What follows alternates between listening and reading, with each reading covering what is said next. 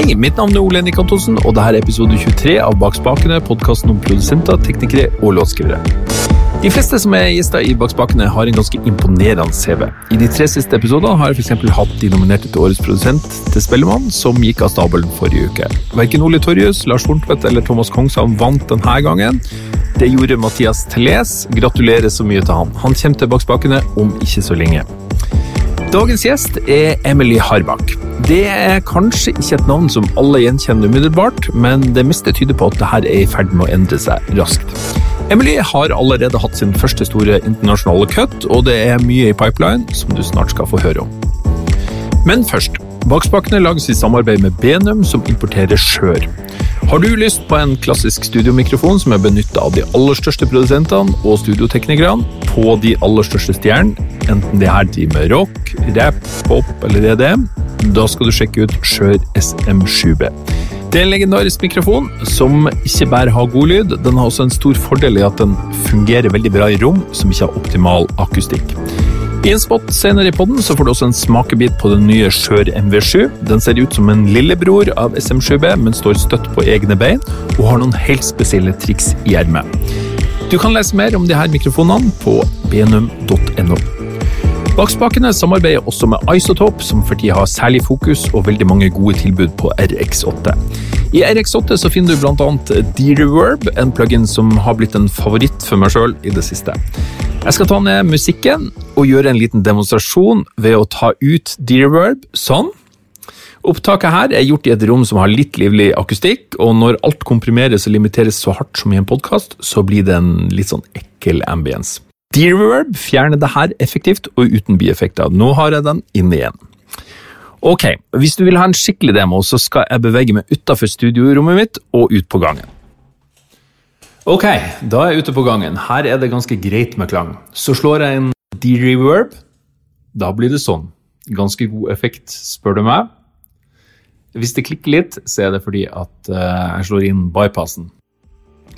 Jeg syns D-Reverb er en fantastisk plugin som har mange mange bruksområder, både post- og musikkproduksjon. Fram til 4. mai så har Isotop kampanje på alle versjoner av RX8, både Elements, Standard og Advanced. Og det er opptil 40% rabatt på ulike oppgraderinger.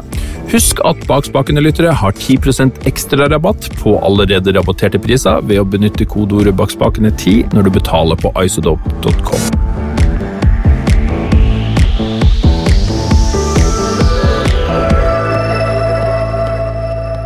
Hjertelig velkommen, Emily. Tusen, tusen takk. Veldig kjekt å være her. Ja, Så hyggelig. Du, Jeg har jo etter hvert begynt å bli en ganske gammel mann, og det som jeg er litt spent på å finne ut av i dag, det er hvordan man starter en karriere. Altså Da jeg begynte, så vi brente CD og gikk ned på Universal i Drammensveien, og hei, hei, her er vi, liksom.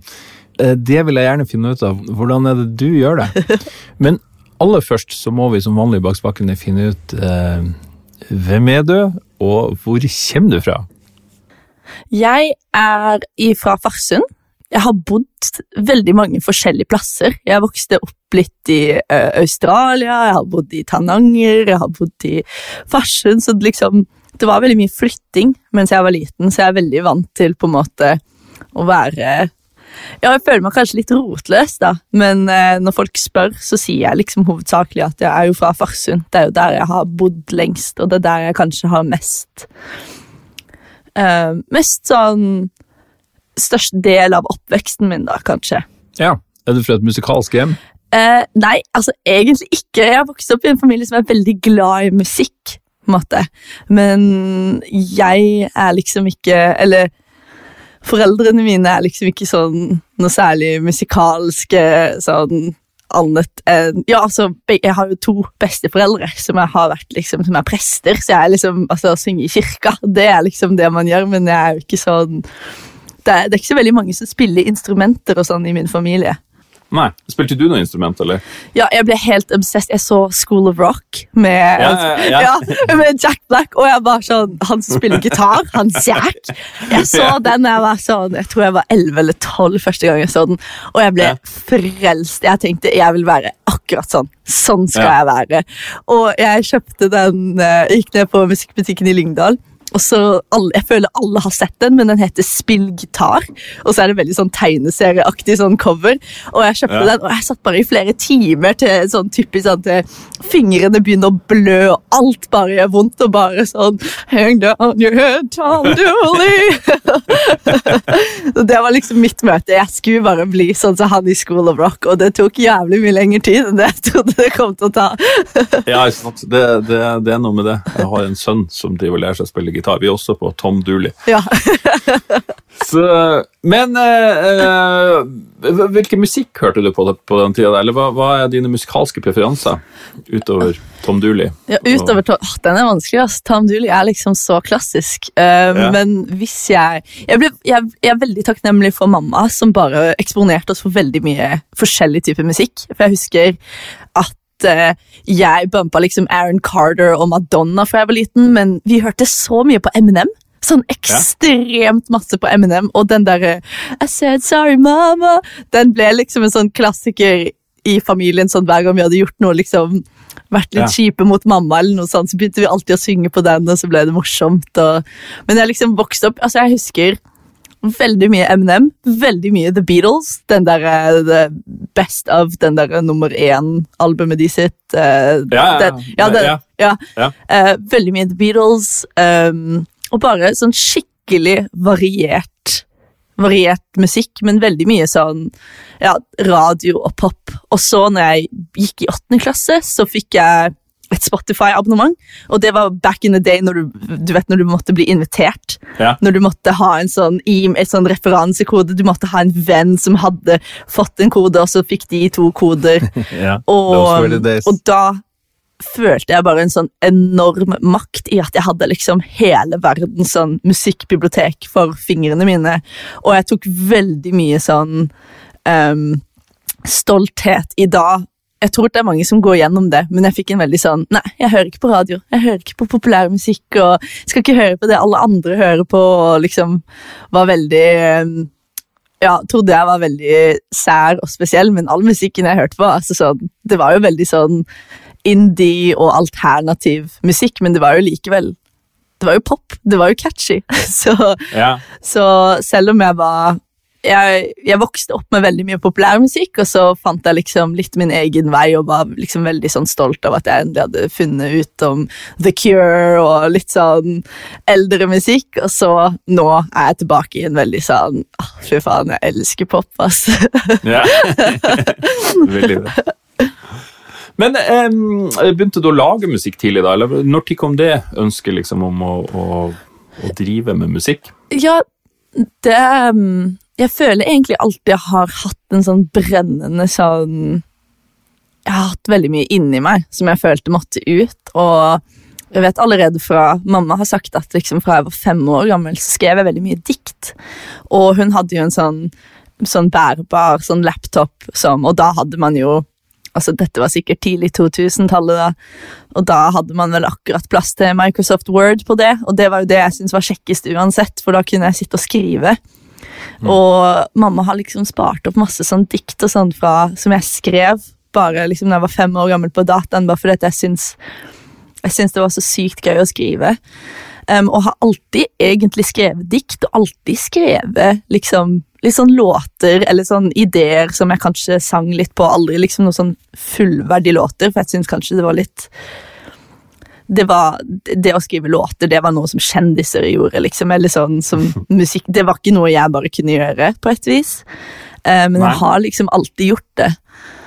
Um, men det var ikke før jeg begynte kanskje å spille i band og gjorde sånn hele UKM-greia fra jeg var kanskje sånn 13-14, og da spilte vi jo så, sånn klassisk de alle coverene og um, Metallica-versjonen av den derre Åh, hva heter den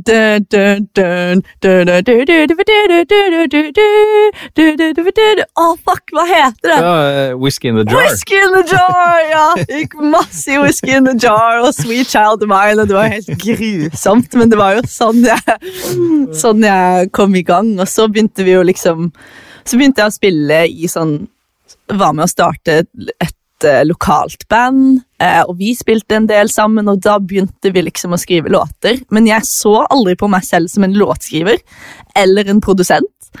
Eh, eller liksom Jeg bare så på liksom Jeg bare laga ting, og jeg var veldig sånn Altså, jeg begynte jo å produsere hovedsakelig fordi at uh, trommisen i bandet slutta, og jeg tenkte jo bare litt sånn Ja, men altså det er jo dritlett å lage musikk eh, på en data. Det er jo det alle sier. Det er jo bare å trykke på en knapp, og en trommis kan jo like så godt være en app, for det er jo bare en groove som går på loop, liksom. How hard can it be?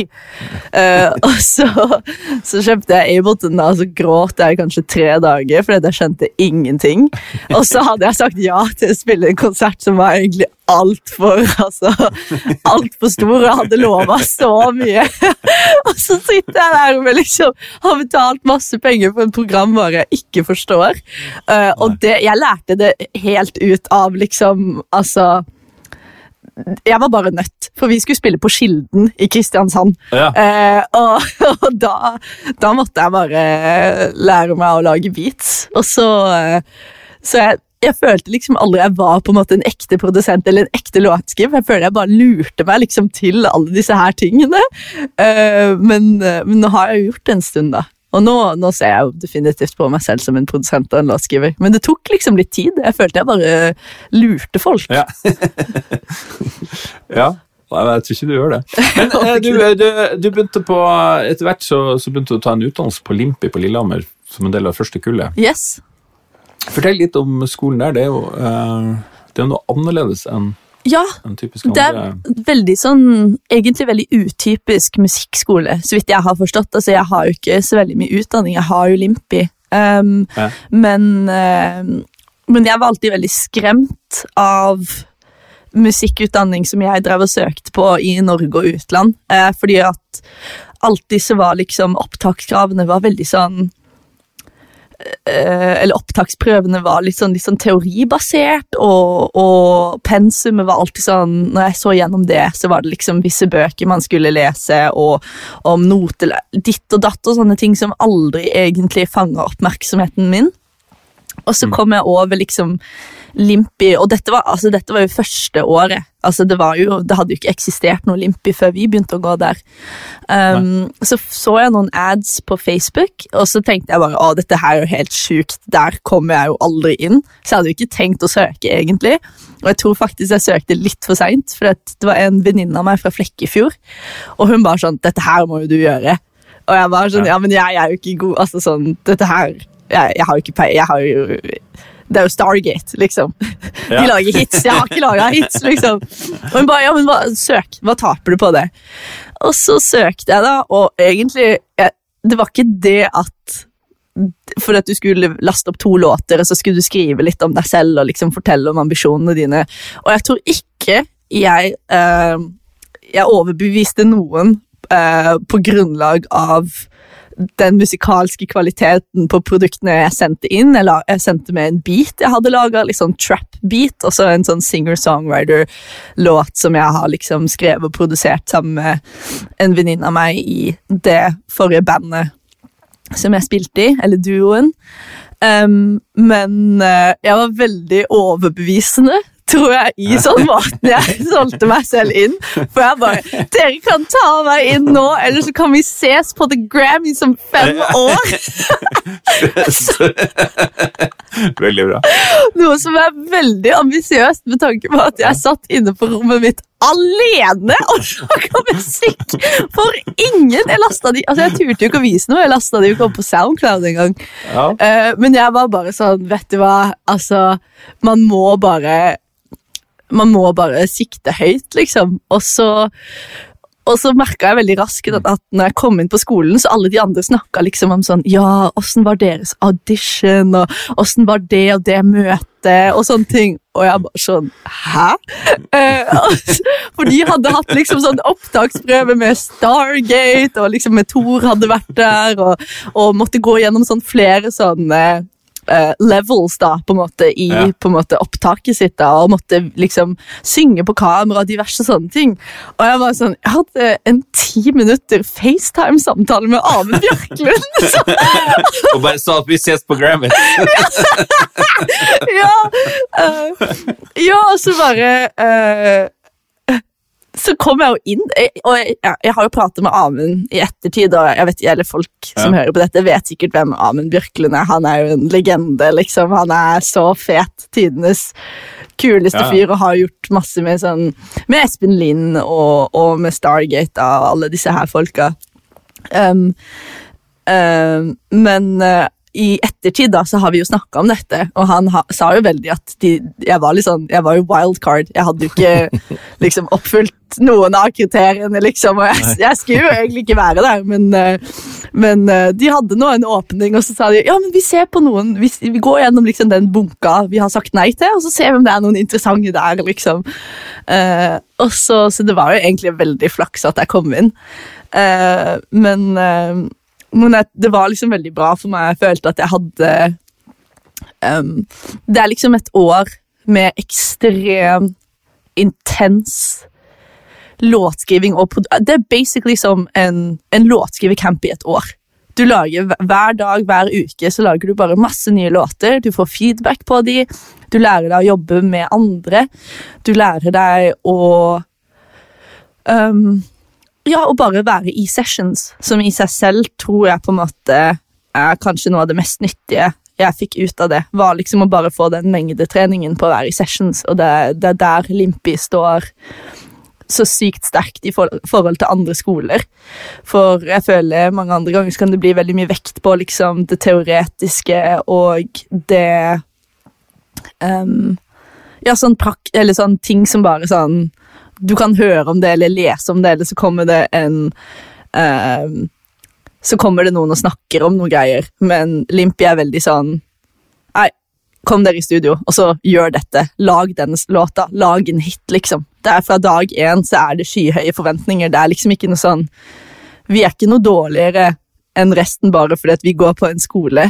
Nivået her skal liksom være like høyt. Vi skal ha like høye forventninger til oss selv. Vi skal ha samme arbeidskapasitet. Altså, det har man jo ikke i starten, men det er veldig sånn Sørg for at den låta blir så bra som den overhodet kan bli. Og, mm. og, og, og liksom Ja, man jobber liksom å lære av de beste, så det er noe helt spesielt med den skolen. Mm. Er, de med og, er de med i låtskrivingsession, de som er på en måte foredragsholder lærer, eller hvordan fungerer det? Ja, altså sånn Jeg husker veldig tilbake på en uke der hvor jeg var på um, på Limpi. Det var helt i starten. Så, uh, så var det Andreas Schuller, som var, eller Accident, da, som var uh, mentor denne uka. Og så viste jeg han noe som vi drev holdt på med, og, bare, liksom, og jeg skulle være liksom superimponerende og brukte masse flotte ord og bare I painted these walls with fire and dry Og bare masse sånn piss, liksom. Og, og, jeg tenkte at jeg var veldig smart og veldig clever nå og var liksom på min låtskriver-peak. Og han var liksom det høres, det, det høres ut som du kjeder deg. Og jeg bare sånn ja! Og så var han sånn, ja, men fortell meg hva som skjer i livet ditt nå. Og jeg bare sånn, nei, det er jo egentlig ganske dritt. for det er sånn, Jeg slo opp med kjæresten min. liksom, Vi har vært sammen i fire år. Jeg har det egentlig ganske tungt nå. Jeg, det er en annen jente jeg liksom driver og tenker på. Bare, det var liksom bare så mye egentlig som skjedde i livet mitt akkurat da. Og han var sånn Ja, skriv om det, da. Og han var liksom ikke Og den låta vi laga, den ble den ble skikkelig skikkelig søt og skikkelig fin, og på en måte, jeg hadde aldri skrevet den uten Andreas sin hjelp. Uh, men han var liksom ikke der og satte ord på det, men han viste meg liksom Han ga meg nøkkelen, eller han viste meg hvilken retning å gå i, og, og kom med referanser og, og liksom hjalp meg å endre måten jeg tenkte på det, liksom. Og bare å skrive ærlig, egentlig. Og jeg tror vi satt og snakka sammen nesten to timer da, den dagen, og bare sånn om liksom hva som skjedde i mitt liv, og hva som skjedde i hans liv, og, og hvordan å på en måte formidle det i en låt. Eh, og, og, jeg merka sånn var det jo med Sånn var det jo med veldig mange av mentorene. da, De var så sykt investert. Vi har jo hatt alle fra Martin Kjøli, Emily Warren, Andreas, Thor fra Stargate. Eh, masse kule folk som har vært innom, liksom. Men eh, jeg fikk jo spesielt god kontakt med Andreas. da. Skjør har laga en ny mikrofon som de kaller MV7 Podcast Microphone. Den må kunne sies å være rimelig inspirert av klassikeren SM7B, og i likhet med SM7B så er den en helt vanlig mikrofon med XLR-ut. Men i tillegg så har MV7 også innebygd lydkort. I pakken så følger det med to USB-kabler, en av den gamle typen og en USB-C eller Thunderbolt 3 om du vil. Det betyr at du kan plugge MV7 rett inn i en Mac, en PC eller mobilenhet og gjøre proffe opptak uten noe annet utstyr enn et software å spille inn i. På selve mikrofonen så finner du hodetelefonforsterker med mini-jack ut og et lite touch-kontrollpanel som lar det styre gain inn og volum i hodetelefonene. Enklere blir det rett og slett ikke. Lyden, vel, det er den mikrofonen som jeg snakker i nå. Lurer du på forskjellen mot en SM7B? Da sier jeg lurer du på forskjellen mot en SM7B en gang til, og siste gangen sa jeg det gjennom en SM7B tatt opp med en API 512C preamp. Og nå er jeg tilbake på MV7 via USB igjen. Les mer om MV7 og SM7B på benum.no.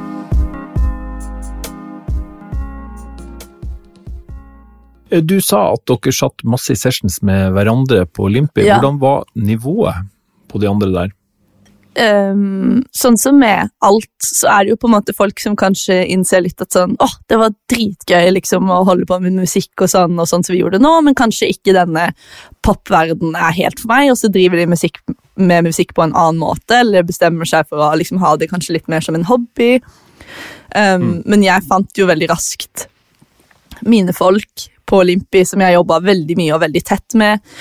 Eh, og allerede på Limpi så starta vi et eh, produksjonskollektiv som heter Orange Villa Collective. Eh, der er vi ja, vi er vel fem-seks stykker nå Ja. som har gjort veldig mye sånn DJ-låter, men òg vi har brukt på en måte Orange Villa Collective som um, uh, label og sånn for å gi ut våre egne ting. Um, og der har vi jobba med liksom artister som Mike Perry, eh, Martin Jensen og litt sånn Gabri Ponte, litt sånn større DJ-er. Um, det begynte vi allerede å gjøre på Limpi. Eh, og så etter sommeren, eller den sommeren da vi ble uteksaminert, så dro vi til LA og skrev masse der. Og var der i tre måneder. Og det var en veldig sånn øh, Hva skal man si?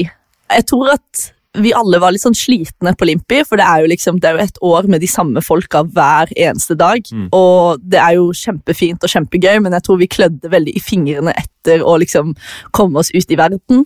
Uh, og den sommeren da dro jeg på turné med Brenn, Ja. og jeg fikk en publishing deal, og jeg bare følte jeg var liksom så sykt oppe i skyene, liksom. og, så, uh, og så dro vi til LA, og så var jeg sånn, å fy faen, dette er jo en helt annen verden. Og ikke nødvendigvis fordi at um, Altså, nivået er jo skyhøyt. Ja. Alle som er i LA, er jo der fordi at de var liksom de flinkeste der hvor de kom fra. på en måte.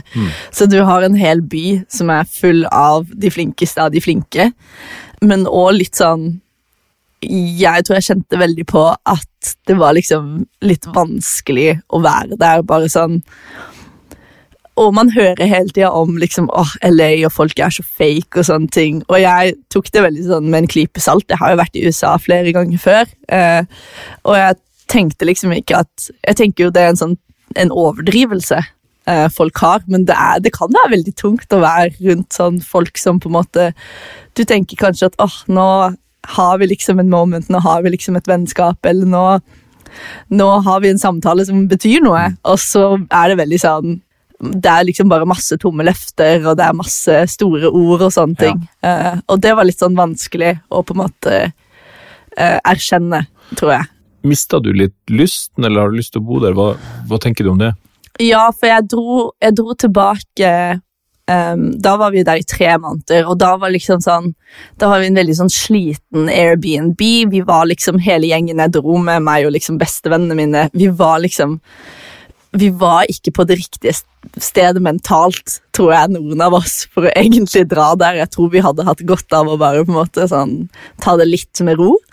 Um, så vi var liksom ikke i liksom, det beste mindsettet fra før av.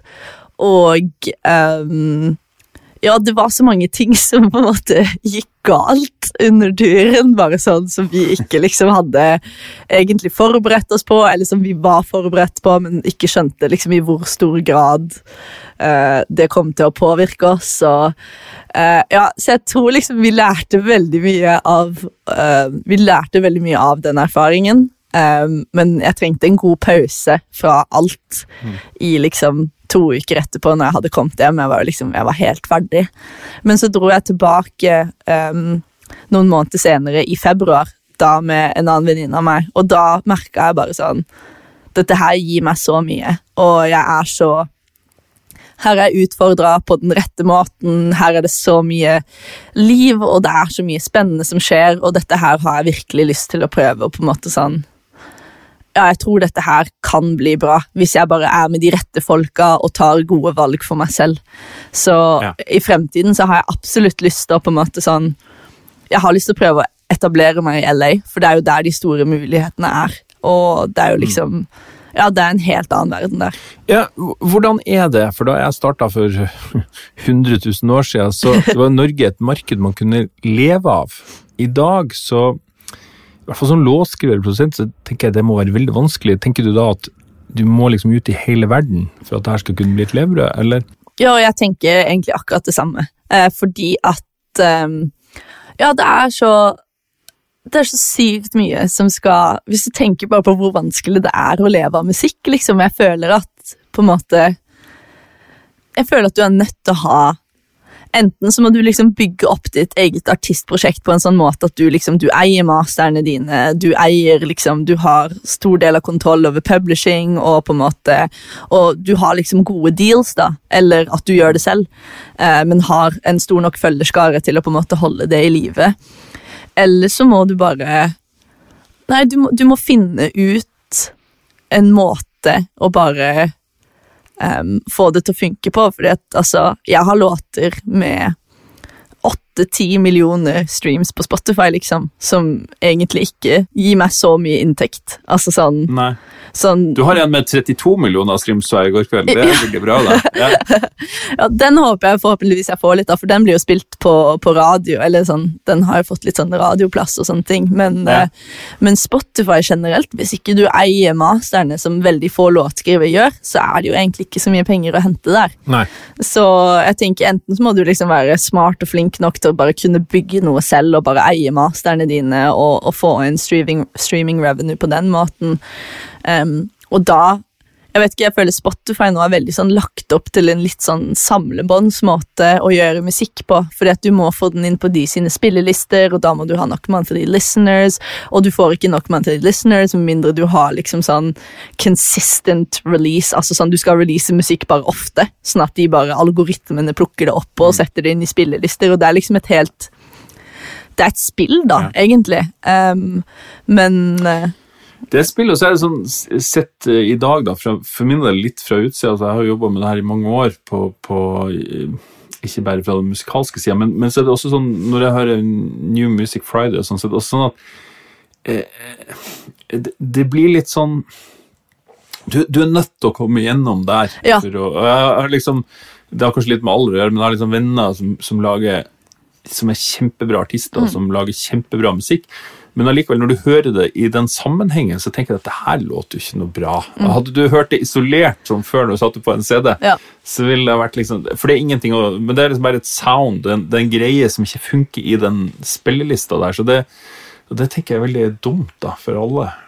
Ja, og det er liksom Hele Spotify sin greie var liksom at de skulle på en måte sånn ah, Radio skal ikke ha så mye makt lenger. liksom Nå kan du komme på banen med din musikk, og alle, hele verden kan høre det. Hele verden er markedet ditt.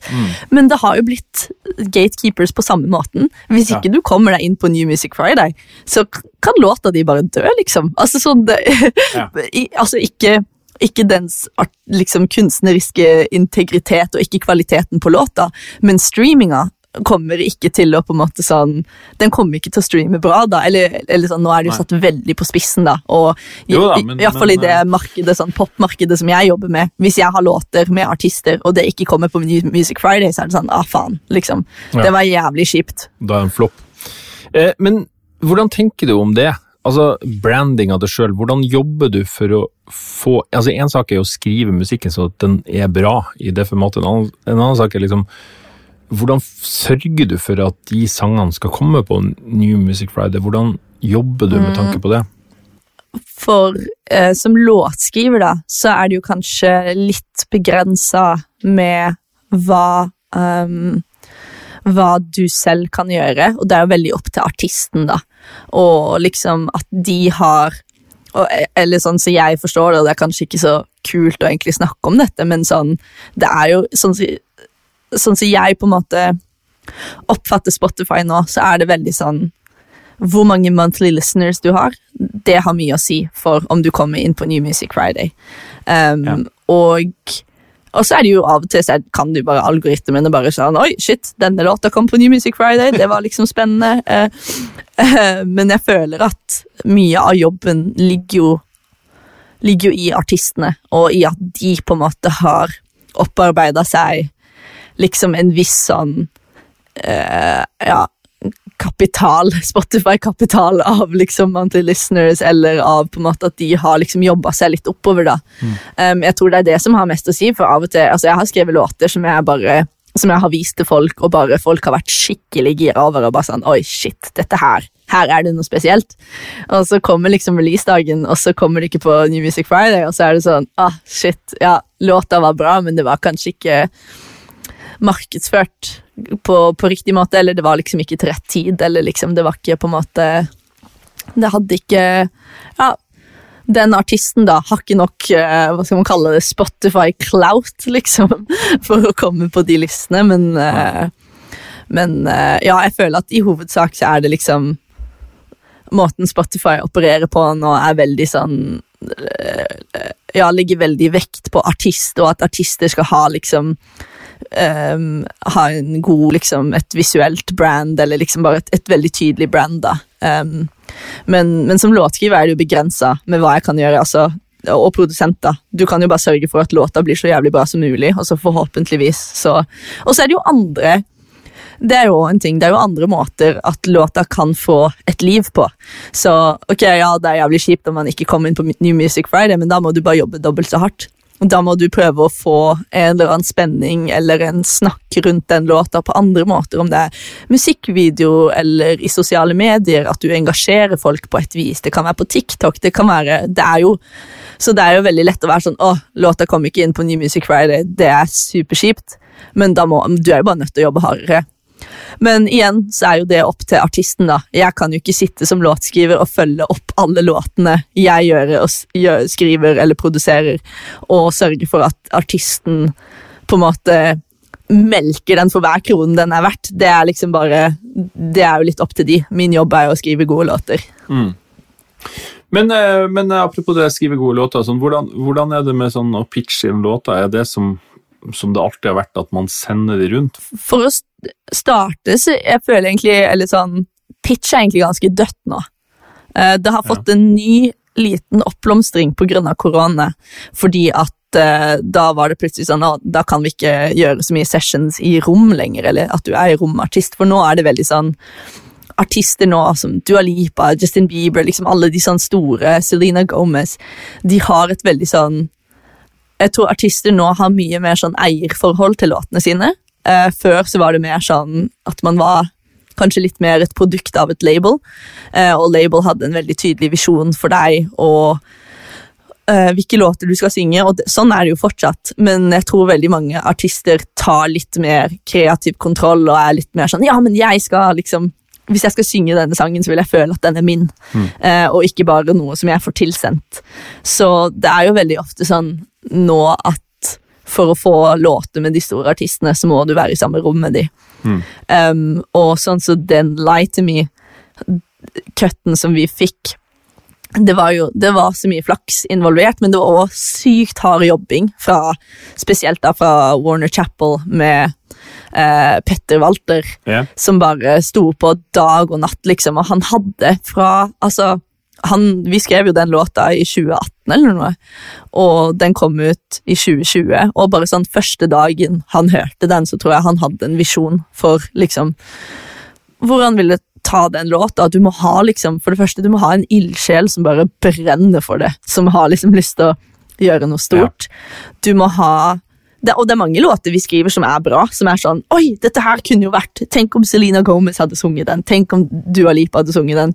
Men de kommer aldri For det første, om den kommer til dem, så kommer de kanskje til å være sånn 'Å, fet låt', men uh, jeg vil liksom Jeg føler ikke noe tilhørighet til den låta, for eksempel. Mm. Så det er en veldig sånn Nå når det kommer til pitch og sånne ting, så er det egentlig ikke noe som pleier å gi så Det er jo som gir så mye resultater. Men så har du jo liksom noen sjangere som for eksempel k-pop. Der tar de veldig mye pitchlåter fremdeles.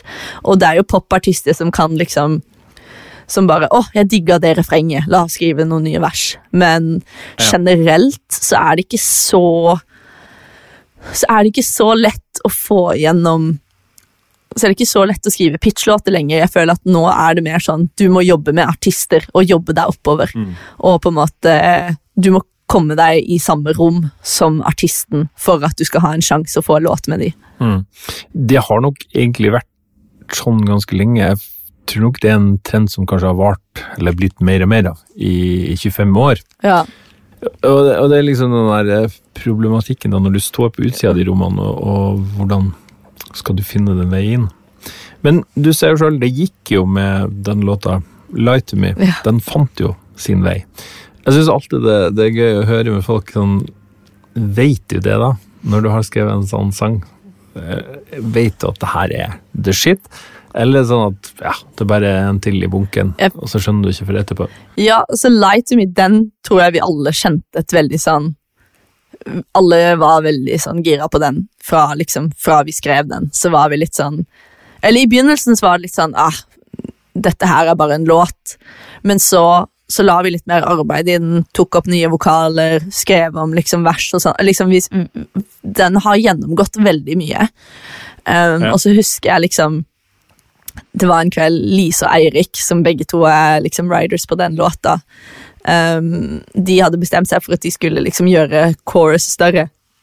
Så den, den låta vi har, er jo Eller i originalen, da, som vi skrev, så er den mye mer poppa og litt større.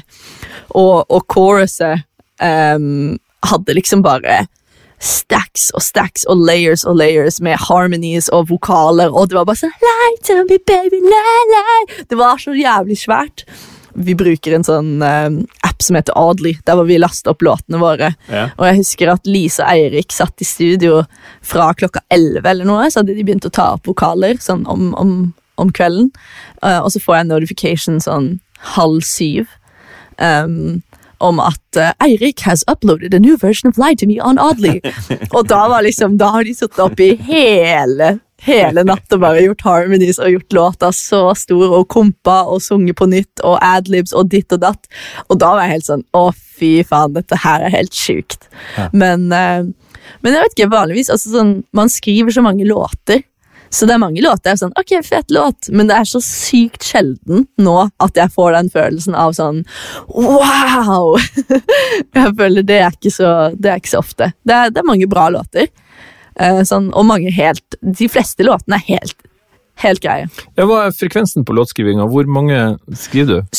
Nå siden 20 Siden jeg begynte på Limpi, så tror jeg jeg har skrevet 300 låter. Ja, så en sånn 100 i året, to i uka, omtrent?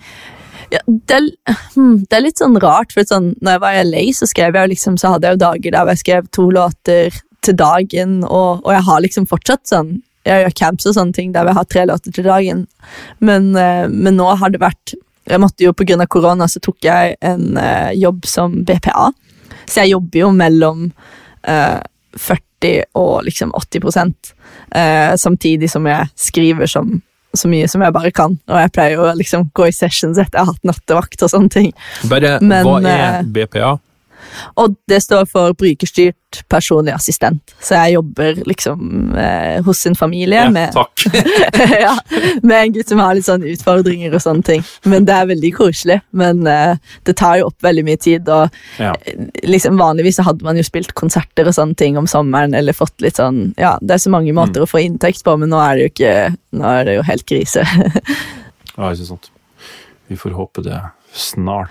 Jeg pleier å skrive eh, sånn fire-fem låter i uka, minst. Men jeg liker jo egentlig å skrive eh, Jeg skal jo skrive en låt hver dag. Det er jo, Ja. det, er jo det som jeg må gjøre. Minst, minst en låt hver dag.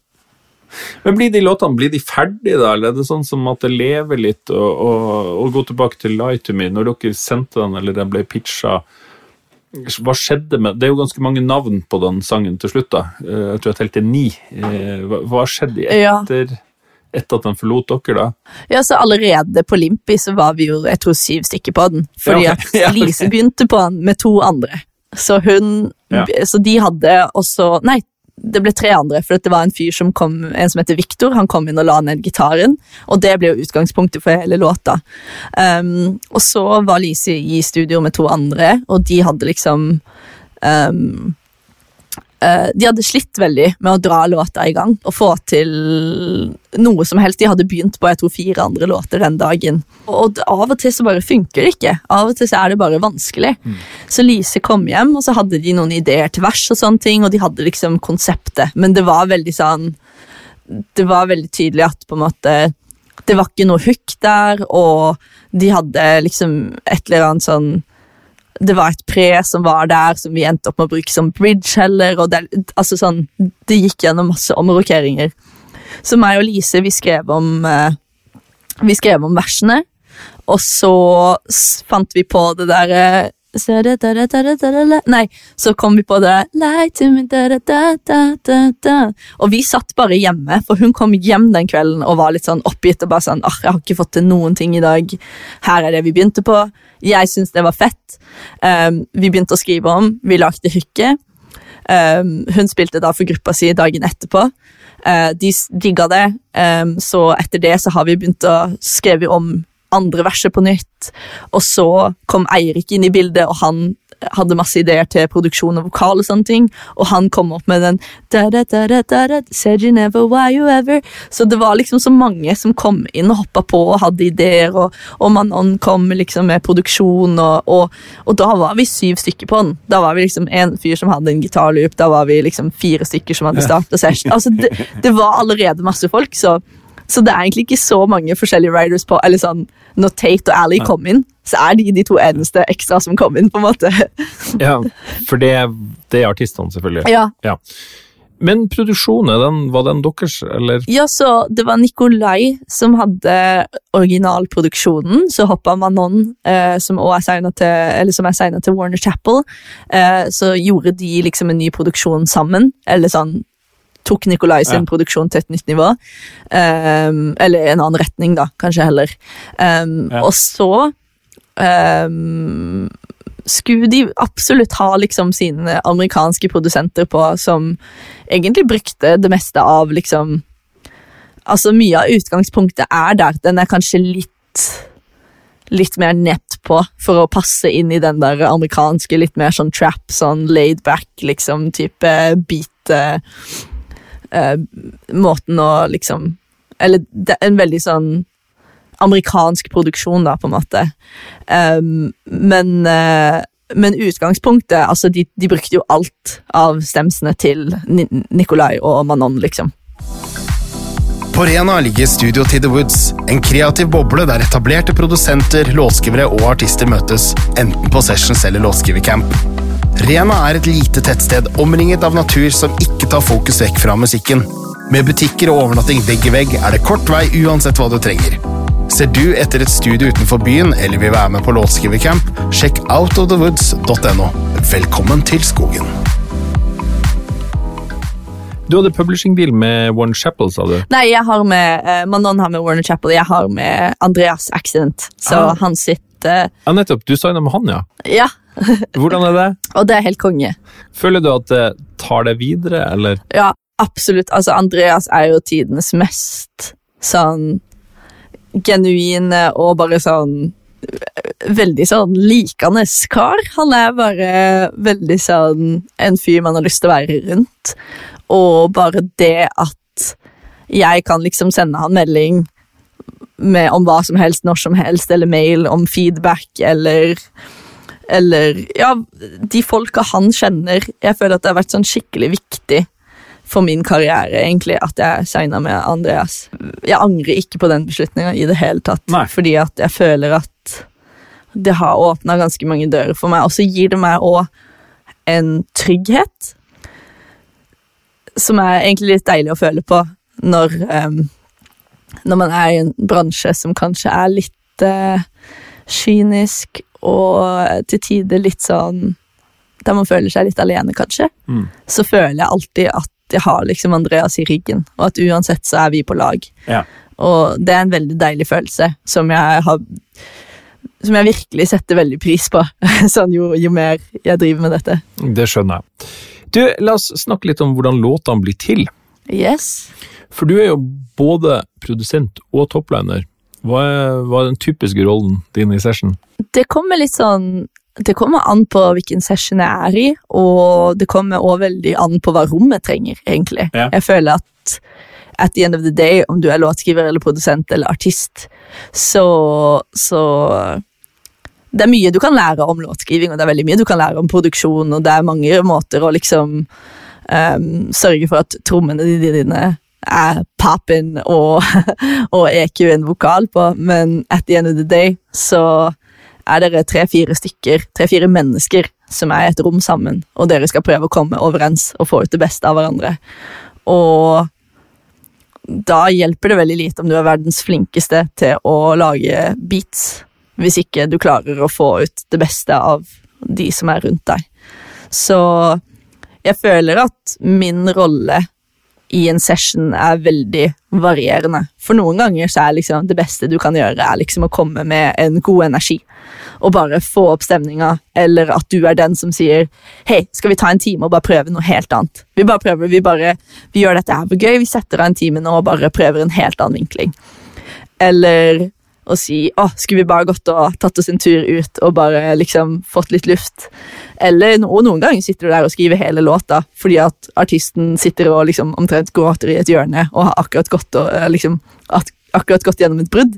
Så det er veldig sånn Hver låt har sitt eget liv, og hver låt har sitt eget eh, Trenger forskjellige ting, da. Um, og uh, noen ganger er jeg produsent, og da liksom er jeg veldig sånn kan jeg kanskje være litt sånn i min egen verden og bare sørge for at vi har en god grunnmur i låta, før jeg liksom bare switcher og bare sånn Ok, lyrics, hva er det vi vil si? Hva er konseptet? Hva føler vi? Og det er jo veldig Det er veldig varierende fra Og det er veldig varierende fra hvem du jobber med òg.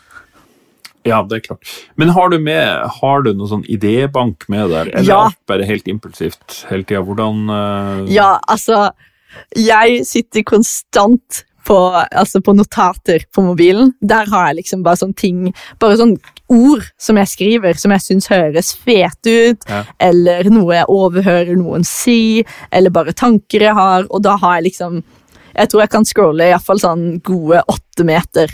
Med liksom bare med notes på mobilen.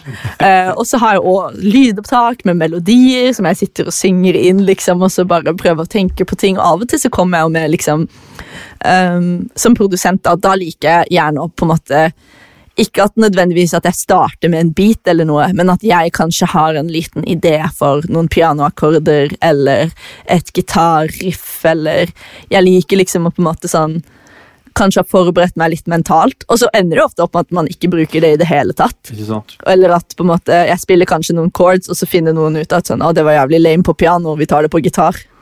Men, men du har ikke noen sånn ferdige tracks eller beats som du spiller opp ti stykker og ser hva, hva Er det noe som er kult her, eller hvordan Eh, nei, det gjør, det gjør jeg liksom veldig lite. Jeg vet at noen på en måte gjør det, men hvis jeg spiller opp noe, så er det gjerne bare en idé. Mm. Jeg, vil, jeg tror ikke jeg ville spilt opp en ferdig produksjon, men eh, jeg kunne liksom bare sånn Åh, hva syns du om dette her bassriffet, liksom? Ja. Eller Å, jeg lagde en liten kul greie i går. En, la oss høre på det, på en måte. Men veldig sjeldent. Jeg tror ikke jeg, aldri, jeg, tror ikke jeg noen gang har spilt opp noen, liksom. En produsert bit, liksom. Ferdig. Nei. Men eh, produksjon, da jobber du i Ableton. Yes. Yes, det er det. Det er det kidsa Det er det nå. kidsa gjør. Men eh, fortell litt om, eh, om oppsettet ditt. Er Jobber du på et fast sted som regel, eller er du litt sånn rundt på laptopen? eh? Ja, jeg er veldig sånn tilhenger av å på en måte bare kunne gå hvor som helst og lage musikk, så jeg har jo et, egentlig et veldig lett oppsett, og jeg har ikke noe sånn veldig å skryte av når det kommer til lydkort og sånne ting. Jeg har sånn gammel sånn UR22, som er Det er det første lydkortet jeg kjøpte. Ja, Ja. stemmer. Og uh, um, Ja, jeg vil bare liksom uh, jeg, har, jeg, jeg er liksom veldig sånn low-key Eller sånn Jeg er ikke den med liksom det mest, uh, mest fancy gearet, da, kan jeg, kan jeg trygt si. Men jeg er veldig fan av liksom um, å bare Ja, litt sånn limitation fuels creativity, da. At man kanskje begrenser seg litt, og, og um, Jeg føler ofte at hvis jeg har for mye Jeg har liksom venner som på en måte bare de har cracka alle plugins i hele verden, og bare liksom de har, de har alt, liksom. Og jeg på en måte sånn Hvis jeg hadde hatt muligheten til å ha hatt alt i hele verden, så hadde jeg bare blitt liksom stuck i en loop og bare hatt det så gøy og bare prøvd ut alt av synter og alt av effekter og sånne ting. Så jeg er veldig sånn tilhenger av å kjøpe og lære meg det jeg har. Så jeg har liksom veldig sånn begrensa liksom, jeg sånn jeg er veldig glad i liksom sånn sound toys og sånne ting, og så er jeg veldig glad i å på en måte Jeg føler det viktigste er at når du spiller opp låta i en session, så høres vokalen bra ut. Så jeg har liksom alltid en vocal chain liksom bare sånn klar, som på en måte um, når, når jeg spiller ut vokalen i rommet, så vil det høres fett ut. Det er liksom det viktigste. Ja. At artisten føler at sånn Wow, jeg naila dette! Så Make them shine. ja, virkelig. Ja, jeg, jeg tror det med, med limitation veldig Jeg har jo hatt uh, en sidejobb i mange år som har gjort at jeg har fått uh, alt av software som fins. Men én så er det også sånn der eh, Ja, eh, det, det er jo ikke det som Du trenger jo ikke 100 000 uh, da. Nei. Men man, ja, man føler gjerne det. Jeg føler jo egentlig at jeg, jeg kunne trengt 100 000 synter. Jeg kunne gjerne hatt liksom mye mer hardware og mye mer software. Uh, men så at the end of the day, så en god låt, det, Det, er det, det er liksom det er det er, Målet er bare å lage en god låt, og det kan du òg fint klare med liksom De beste låtene i hele verden er jo veldig enkle ofte. Ja, det er rart det der. De er det. Du, eh, jeg ser vi er på Zoom selvfølgelig, men jeg ser bak, eh, bak det rommet du, du sitter og jobber i, Ja. i, i kjelleren. Du må fortelle litt om de du bor med. Ja. Og, og, Det har blitt en liten sånn greie her på Holte, føler jeg. At det er liksom, det er veldig mye musikk som kommer ut herifra nå, veldig i den der sånn eh, Vi jobber veldig innenfor samme sånn Samme miljø, da. Um, Ja. Og det som jeg syns er spesielt gøy med å bo her uh, I det siste har jo vært sånn alle oss er jo låtskrivere eller produsenter eller begge deler eller artister eller liksom en eller annen kombinasjon av det. Uh, og liksom så å si hver fredag nå, dette i 2020, så har det vært sånn Åh, hvem er det som slipper låt i dag? så vi har en liten sånn recap og bare sånn spille opp litt for hverandre. og Det er et veldig sånn interaktivt eh, og inkluderende miljø vi har laga her, fordi at uh, ja, hvis jeg har liksom fått en brief av noen, eller vi skal gjøre ferdig en låt, så um, så kan jeg liksom bare sånn Å, Susanna, har du lyst til å være med og skrive om dette her? Eller Å, vi må gjøre ferdig den produksjonen. Bendik, har du tid til å gjøre det? Så det er jo veldig sånn Vi kaster oss jo på prosjektene til hverandre hele tiden og er veldig sånn hjelpsomme og Ofte så Lise, som har artistprosjektet Sophie Loud, hun er jo bestevenninna mi, og hun har jo en helt insane stemme. Så hvis noen av guttene trenger liksom en vokal til en eller annen demo som de skal sende rundt til noen produsenter, så er det sånn 'Lise, har du tid til å synge?' liksom, og så Ja. tar vi opp vokal. Så det er jo det er veldig mye lyd her. Konstant hele tida. Det er ikke til å stikke under en stol. Det er alltid musikk som blir spilt av. Uh, men det er veldig gøy. er det de Orange Villa-kollektivfolkene du bor med, da? Eller er det Nei, så um, Han ene i Orange Villa han er fra Østerrike, så det har vært litt sånn vanskelig nå det siste, det Ja, siste har året. vært vri- Vrient. eh, Ja, å, kunne møtes fysisk. Um, Ja. Og Eirik bor i Bærum, Ja, fy, og liksom uh, de to andre, uh, Jørgen og Jan, de er òg litt sånn eh, De bor på Bygdøy og sånne ting, men, eh, men alle har liksom sin egen greie og sin egen sånn, sitt eget område som de jobber med. Og vi, ja, vi har gjort veldig mye sånn uh, DJ-låter og sånne ting i det siste, men det er liksom Det er det er oppe og ruller og går um, altså ikke, Jeg skal ikke si av seg selv. Sebastian og Eirik er jo kjempeflinke til å drive og pitche låtene rundt og sånne ting. Eh, men, men vi er ikke så avhengig av liksom Vi er ikke avhengig av å bo med hverandre for å få det til. Vi sender hverandre ofte ideer og på en måte og briefs og, og Ja, det, det går litt på, på en annen måte, liksom. det, det er så mange ting man snakker om, nå som egentlig er liksom helt fjernt i den sitsen vi sitter i. Men med låtskrivercamps og sånn, er du mye rundt på det når verden er normal? Ja, altså, jeg føler jo at jeg har liksom Jeg er veldig sånn fersk i gamet, da, så akkurat i det liksom Når, ting har begynt å skje litt for meg, har jo vært altså sånn Spesielt etter Lei til mye av det, det har jo vært midt i en pandemi. Ja. Så, så der Og det tenker jeg er litt synd, for det er noe jeg på en måte under andre omstendigheter ville brukt veldig da for å bygge videre på, liksom, og, og prøve å få til. Um, Ja. Få til mer greier med. Men um, Men uh, jeg er jo Er det kjipt å miste det momentumet som kanskje var der? Ja, egentlig. Um, fordi at under andre omstendigheter så ville jeg jo vært i LA, liksom, og bare klar til å skrive og liksom gjøre masse ting, men man må jo bare gjøre det beste ut av det. Og, eh, og jeg er veldig sånn Andreas er jo veldig på ballen og liksom har satt opp en del kule sånn Zoom-sessions til meg. Ja. Eh, Så det blir veldig spennende å liksom å prøve meg på det. Ja, ja, for du har ikke gjort det ennå? Jeg har gjort litt, men det er ikke min favoritting å gjøre. Jeg, jeg unngår det så langt det lar seg gjøre. Ja. Men uh, hvis jeg kan skrive med liksom Jeg har jo innsett nå at det er noe man bare må på en måte finne seg i at sånn er det. Så Ja. prøve å gjøre det beste ut av det. Men det går det an å altså, Prøv du å gjøre det også på en annen måte enn en Zoom? Altså at man, at man utveksler ting og sender altså offline? Nå har jeg gjort ditt og datt. Er det en måte du jobber på, eller føler du at man må være der?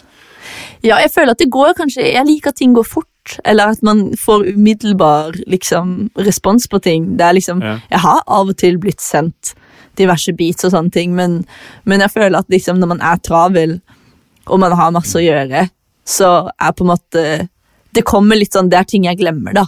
Det er mye lettere sånn hvis man er i en session, eller til og med hvis en session er ferdig, og noen bare 'Forresten, jeg har denne biten', så er det sånn 'Ok, fett, la oss skrive noe på det'. Men eh, jeg syns det er veldig vanskelig, og det er jo kanskje fordi at jeg er jo superdistré. Jeg har jo ikke konsentrasjonsevne for liksom i det, i det hele tatt, liksom, og, og veldig dårlig til å liksom eh, Veldig dårlig til å planlegge. Så jeg føler at jeg får mest ut av at folk bare tar meg liksom bare sånn Nesten sånn Stiller meg litt til veggs og bare 'Har du lyst til å skrive på dette nå?' Så er det sånn ja eller nei. Ja. ja, men det er bra. Det er jo noe med interaksjon. Det er jo det som gjør musikk gøy, føler jeg. Det er jo det at man skaper noe sammen, og det er det jeg føler man kanskje mister litt på Zoom. Ja. Fordi at så mye av musikk handler jo om å på en måte Det handler om energien i rommet, og det handler om å ta en følelse. Og, og, og, og det, det er jo mye jobbing, kanskje, for å på en måte for å sørge for at den energien, eller for at den flyten forblir, da. Det er jo det som er låtskriving. Å bare, liksom bare holde det i gang, holde det gående. Mens på Zoom så føler jeg det er så sykt vanskelig, og kanskje sånn Det er jo litt sånn som den der back and forth. Det er så mange gode lyrics som har kommet av at jeg sitter og holder på med min ting, og så hører jeg at artisten synger et eller annet som jeg eller at jeg tror jeg hører at de sier noe, og så sier de noe helt annet. Og så er det sånn 'Å, det var fett!' Eller 'Å, den melodien du bare nynner for deg selv nå, dritkult.' Og de bare 'Å ja, hæ?' Det er jo bare Det er jo bare noe jeg tenkte på akkurat. Eller sånn Det er ikke planlagt. De beste tingene føler jeg ikke er planlagt, og de kommer bare liksom på en måte ja, fra underbevisstheten, eller fra hjertet, eller fra sjela, eller hva du vil kalle det. Uh, og det, det er litt Det er vanskelig å finne den sjela på Zoom, føler jeg. Det er lite skjell på Zoom. Ja. det, det, det kan vi konstatere etter snart et år. Det er store helter. Hvem, hvem, er dine, hvem, hvem er du virkelig altså, Hvem er de kuleste du vet? Åh, Robin. Robin? Ja, fy faen. Ja. Robin elsker jeg, og så elsker jeg Charlie XCX. Ja. Um, og så er det jo masse Altså, det er Altså sånn Jeg syns at Lokøy er så jævlig fet. Han Lasse fra Slutface. Lasse? Ja? Ja, så det er litt sånn flaut. Du har jobba med han, har du ikke det? Jo, jo. Ja? Men jeg er sånn, jeg er sånn oppriktig sånn Så fan av Lasse! At det nesten er litt flaut. Eh, Men eh, ja, det er masse artister og låtskriverprodusenter jeg ser opp til, men jeg tror Robin er liksom i en Hun er liksom i en litt annen liga, da. Hun er litt mer sånn gud Gudlignende. Ja. ja. Fantastisk. Men hadde du klart å jobbe eh, hvis du kom inn i session, hadde du da klart å jobbe, eller, eller hadde det liksom Åh. vært eh, bare sittet og drodla? Jeg har så lyst til å si ja. Jeg har så lyst til å si at ja, det hadde jeg fått til, men jeg, jeg, jeg kjenner meg selv litt for godt, og jeg tror jeg hadde liksom Jeg hadde, jeg hadde ikke takla det. Jeg hadde liksom blitt for gira. Ja. Eh, oh, men jeg har veldig lyst til å si ja, og jeg har lyst til at vi skal, jeg har lyst til at vi skal bli bestevenner, men eh, men jeg tror ikke det liksom, Eller jeg skal ikke si at det ikke skjer. Nei. Jeg, har troa på at meg og Robin kan bli bestevenner, men ja, det er eh, bra, bra du har trua. men jeg tror jeg hadde slitt veldig med å jobbe med henne, i hvert fall med tanke på liksom hvor hvor obsessed jeg er med Robin. Ja. Jeg hadde en sånn i 2011 eller 2012, så hadde manageren som hadde da satt opp en skrivesession med Paul Voktor i New York. Oh, Og, så, og det var altså sånn for meg, da, som var 11 år, 12 år, når uh, a-ha breaka. Ja, ja. så liksom det, men, men jeg grua meg så skikkelig, men, og det ble jo da kansellert uh, sånn rett før. Så ble en Åh. kjempebra dag i stedet med bra folk. Men uh, der og da så var jeg bare sånn utrolig letta for det Ja. hvordan i alle dager skulle det Hva skal jeg foreslå til han? Men um, i ettertid nå, nå prøver jeg å få han med i poden òg, vi får se hvordan det går. men men det, det er jo jævlig kjipt, da. For det, eller, det, har det, var, det var en dato, det var sett et klokkeslett, og det var liksom sånn det skulle skje. Men, eh, men eh, ja. Umiddelbart var jeg egentlig bare Kanskje dere kan ta en Zoom-session? Jeg vet ikke. Jeg vet ikke. Vi får, vi får se. Du har ikke holdt på så veldig lenge, men allikevel, hvis det er én ting som du skulle gjort annerledes nå, basert på det du vet eller har lært, Oh. hva ville det vært? Hvis du skulle starte på scratch nå? Ja. Jeg ville begynt å slippe min egen musikk, tror jeg. Eller jeg ville begynt å um, Hva skal man si? Eh, jeg ville lasta opp beats jeg har laga. For jeg, altså, det var ikke før på Limpi at jeg turte å liksom nesten spille noe høyt, eller å vise noe som jeg hadde gjort. Det var alltid en sånn Jeg hadde alltid en idé om at verden skulle få se det når det var bra, eller at jeg skulle bare bli bra nok før jeg liksom slapp ting, eller viste ting, eller la ting ut og sånne ting. Men du blir bra nok av å gjøre det. Ja. Det er, eller det, det, er da du, det er da du blir flink. Du, du må bare gjøre det, og det kommer til å være dritt, og det kommer til å være mye dårlig der. Men det er det du lærer av. Så hvis det er én ting jeg kunne gjort annerledes, så tror jeg det hadde vært å bare Få det ut. være Ja, få det ut. Det er bra. Et godt råd. Eh, er det noe mer du har lyst til å si eh, til slutt? Mm, nei, egentlig ikke. Ikke som jeg kommer på. Jeg føler jeg snakker så mye, så det er liksom Det er veldig bra. Det er vanskelig å Vi har snakka om alt. Ja, det er akkurat det. Eh, nei, Hva, hva? Ja, unnskyld. det er klassisk sånn zoom sånn Ja, øh, øh, øh, øh, øh. Nei, men Jeg vil bare si tusen takk for at jeg ble invitert på dette, og jeg syns det er veldig spennende. liksom. Jeg ser jo på en måte Jeg har jo fulgt med, og liksom Ja, det er jo gøy liksom at jeg får liksom stå sammen med så mange sånn kule navn i bransjen, liksom. Ja, men så bra. Det, vet du hva? Om, eh, når du hører det her om to år, så det helt, står du på din helt naturlige plass. Det er jeg helt sikker på. Yes. Du må takke bakspakene når du står på Grammys om tre år nå, da. Ja, ja, for nå er det jo faktisk tre år. Nå har jeg sagt det. Shit, ja, nå er det tre år til. Shit, shit, shit. Ja, nei, men du, Veldig bra. Tusen takk for praten. Jeg liker måte. Emily Harbakk der, altså. Det er ei jente du kommer til å få høre mye til og fra i årene som kommer. Det er jeg helt sikker på. Denne episoden lages i samarbeid med Benum, Isotope og Out of the Woods. Særlig takk til Benum som gjør det her mulig, og husk kodeordet bak spakene 10, som gir 10% ekstra rabatt på alle produkter på isotope.com, også de som er på salg. Kulturrådet har støtta denne sesongen av Bakspakene, så tusen takk også til de. Bakspakene har ei Facebook-side og en Instagram-konto. Gå inn der følg oss, så holder du deg oppdatert om hva som skjer i podden. Mitt navn er Ole Henrik Antonsen, og vi høres igjen neste uke.